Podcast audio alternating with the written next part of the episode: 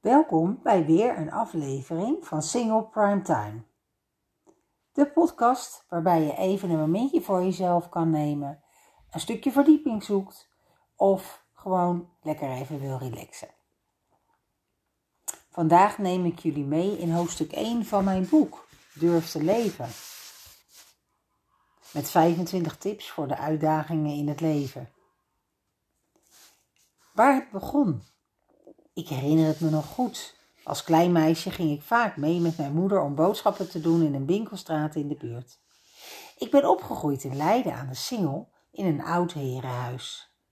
Het was een klein stukje lopen met als hoogtepunt een bezoek aan Jamin, de snoepwinkel.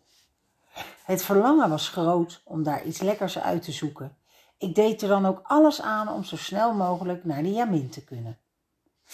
Als peuter bleek ik nogal vroom te zijn en ben ik op de brug tussen de Herenstraat en de Doezestraat op mijn knieën gaan zitten om tot God te bidden. Ik zei tegen mijn moeder dat God het goed vond als we nu naar de Jamin gingen. Mijn moeder lachte en zei dat God het ook prima vond wanneer we eerst de boodschappen die we echt nodig hadden zouden halen. Hoe is dat voor jou? Welke verlangens had jij als kind? Hoe maakte jij als kind of puber jouw verlangens kenbaar? En hoe is dat nu? Herinner je bijvoorbeeld nog het moment dat je iets kreeg wat je heel graag wilde hebben? Een pop, huisdier of rode brandweerman?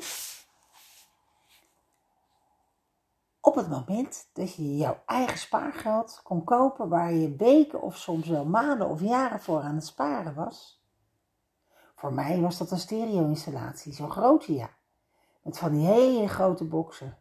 Het was 1982, ik was 13 en had een jaar gespaard en wekelijks mijn verdiende geld apart gelegd. Wat was ik trots. Ik heb daar heel wat cassettebandjes en platen mee gedraaid. Geloof je mij wanneer ik je vertel dat ik dat geld verdiend heb in een sigaretten speelgoed annex snoepwinkel, waar ik vanaf mijn twaalfde werkte? Ik leek iets ouder dan twaalf en haalde na mijn werk dan ook nog gewoon even een fles sherry voor mijn moeder. In die tijd kreeg je dat gewoon mee. Gek als ik daar nu op terugkijk. Ik was twaalf en verkocht Caballero, Peter Stuyvesant en Belinda. Alsof het de gewoonste zaak van de wereld was. Het was de tijd dat je op een verjaardag glaasjes met sigaretten zag staan. Nu kan ik me daar niets meer bij voorstellen. Wat was jouw eerste aankoop van je spaar, gespaarde geld? Weet jij nog hoe trots je op jezelf was? Later zijn er mooie herinneringen bijgekomen. Je eerste eigen fiets, vakantie zonder ouders, je eerste vriendje of vriendinnetje. Het begon allemaal met een verlangen. Soms omdat je zelf echt wil, intrinsieke motivatie, en soms omdat jouw omgeving, jouw vrienden het ook hebben, excentrieke motivatie.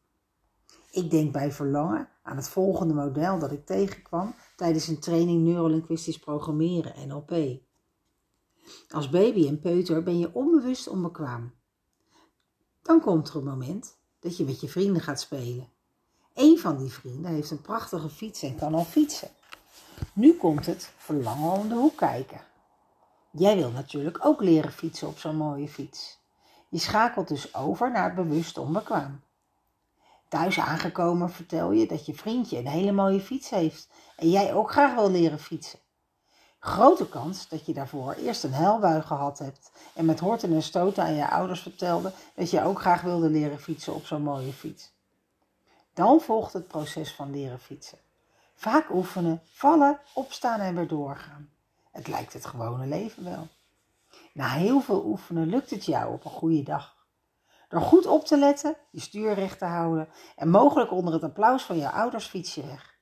Hoe blij was je en trots was je toen je door de straten fietste. Je schakelde over naar bewust bekwaam. Daarna volgden er dagen van fietsen en op een goede dag hoefde je niet meer te na te denken bij het fietsen. Het ging vanzelf. Je schakelde over naar onbewust bekwaam. Misschien herken je jezelf wanneer ik vertel dat ik soms op de fiets of in de auto zit en me realiseer dat ik een heel stuk van de route gemist heb. Ik reed op de automatische piloot en was al verder dan ik dacht. Je doet de handelingen als vanzelf, waardoor je soms wat af kunt dwalen. Ik raad je dit aan niet op de snelweg te doen. Het begon allemaal met een verlangen, iets te willen hebben of kunnen. Het komt voor dat wanneer we ouder worden en je gezetteld bent, we onze verlangens wegstoppen. Iets is te duur of een partner is het niet eens met jouw keuze. Ik herinner me het verhaal van een man van 62. Hij was jaren getrouwd geweest met een lieve vrouw. Enige tijd uh, voordat ik hem sprak, was zij overleden. Hij miste haar enorm. Hoe verdrietig ook, de dood van zijn vrouw bood hem ook kansen. Hij had al jaren een stille wens en dat was motorrijden. Zijn vrouw verbood hem dat, omdat ze bang was dat hij zich dood zou rijden. Enkele maanden na de dood van zijn vrouw kwam zijn wens weer boven. Ik kwam hem tegen tijdens mijn eigen motorrijlessen en hij deed zijn verhaal.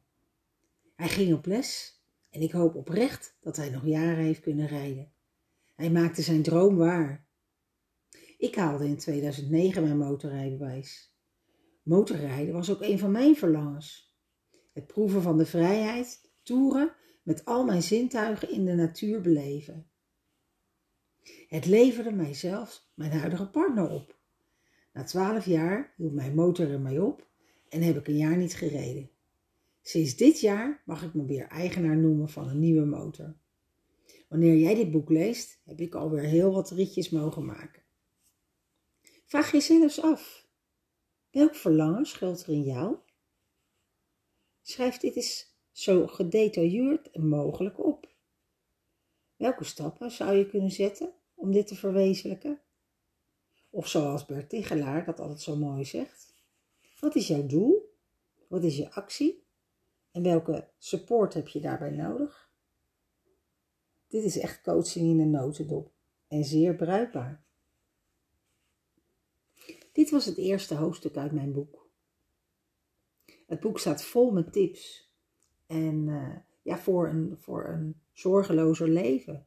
Tips en opdrachten die jou kunnen helpen om keuzes te maken, om een nieuw pad te bewandelen of meer energie te krijgen. Misschien heb je een burn-out gehad. Of misschien uh, uh, ja, ben je toe aan een nieuwe start. De opdrachten en het verhaal helpt je daar prima bij.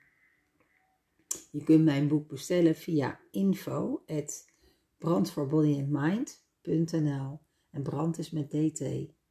Ik herhaal info brandforbodyandmind.nl Graag tot de volgende keer bij Single White Prime Time. En ik wens jou een hele fijne maand. Dag, groetjes Martine.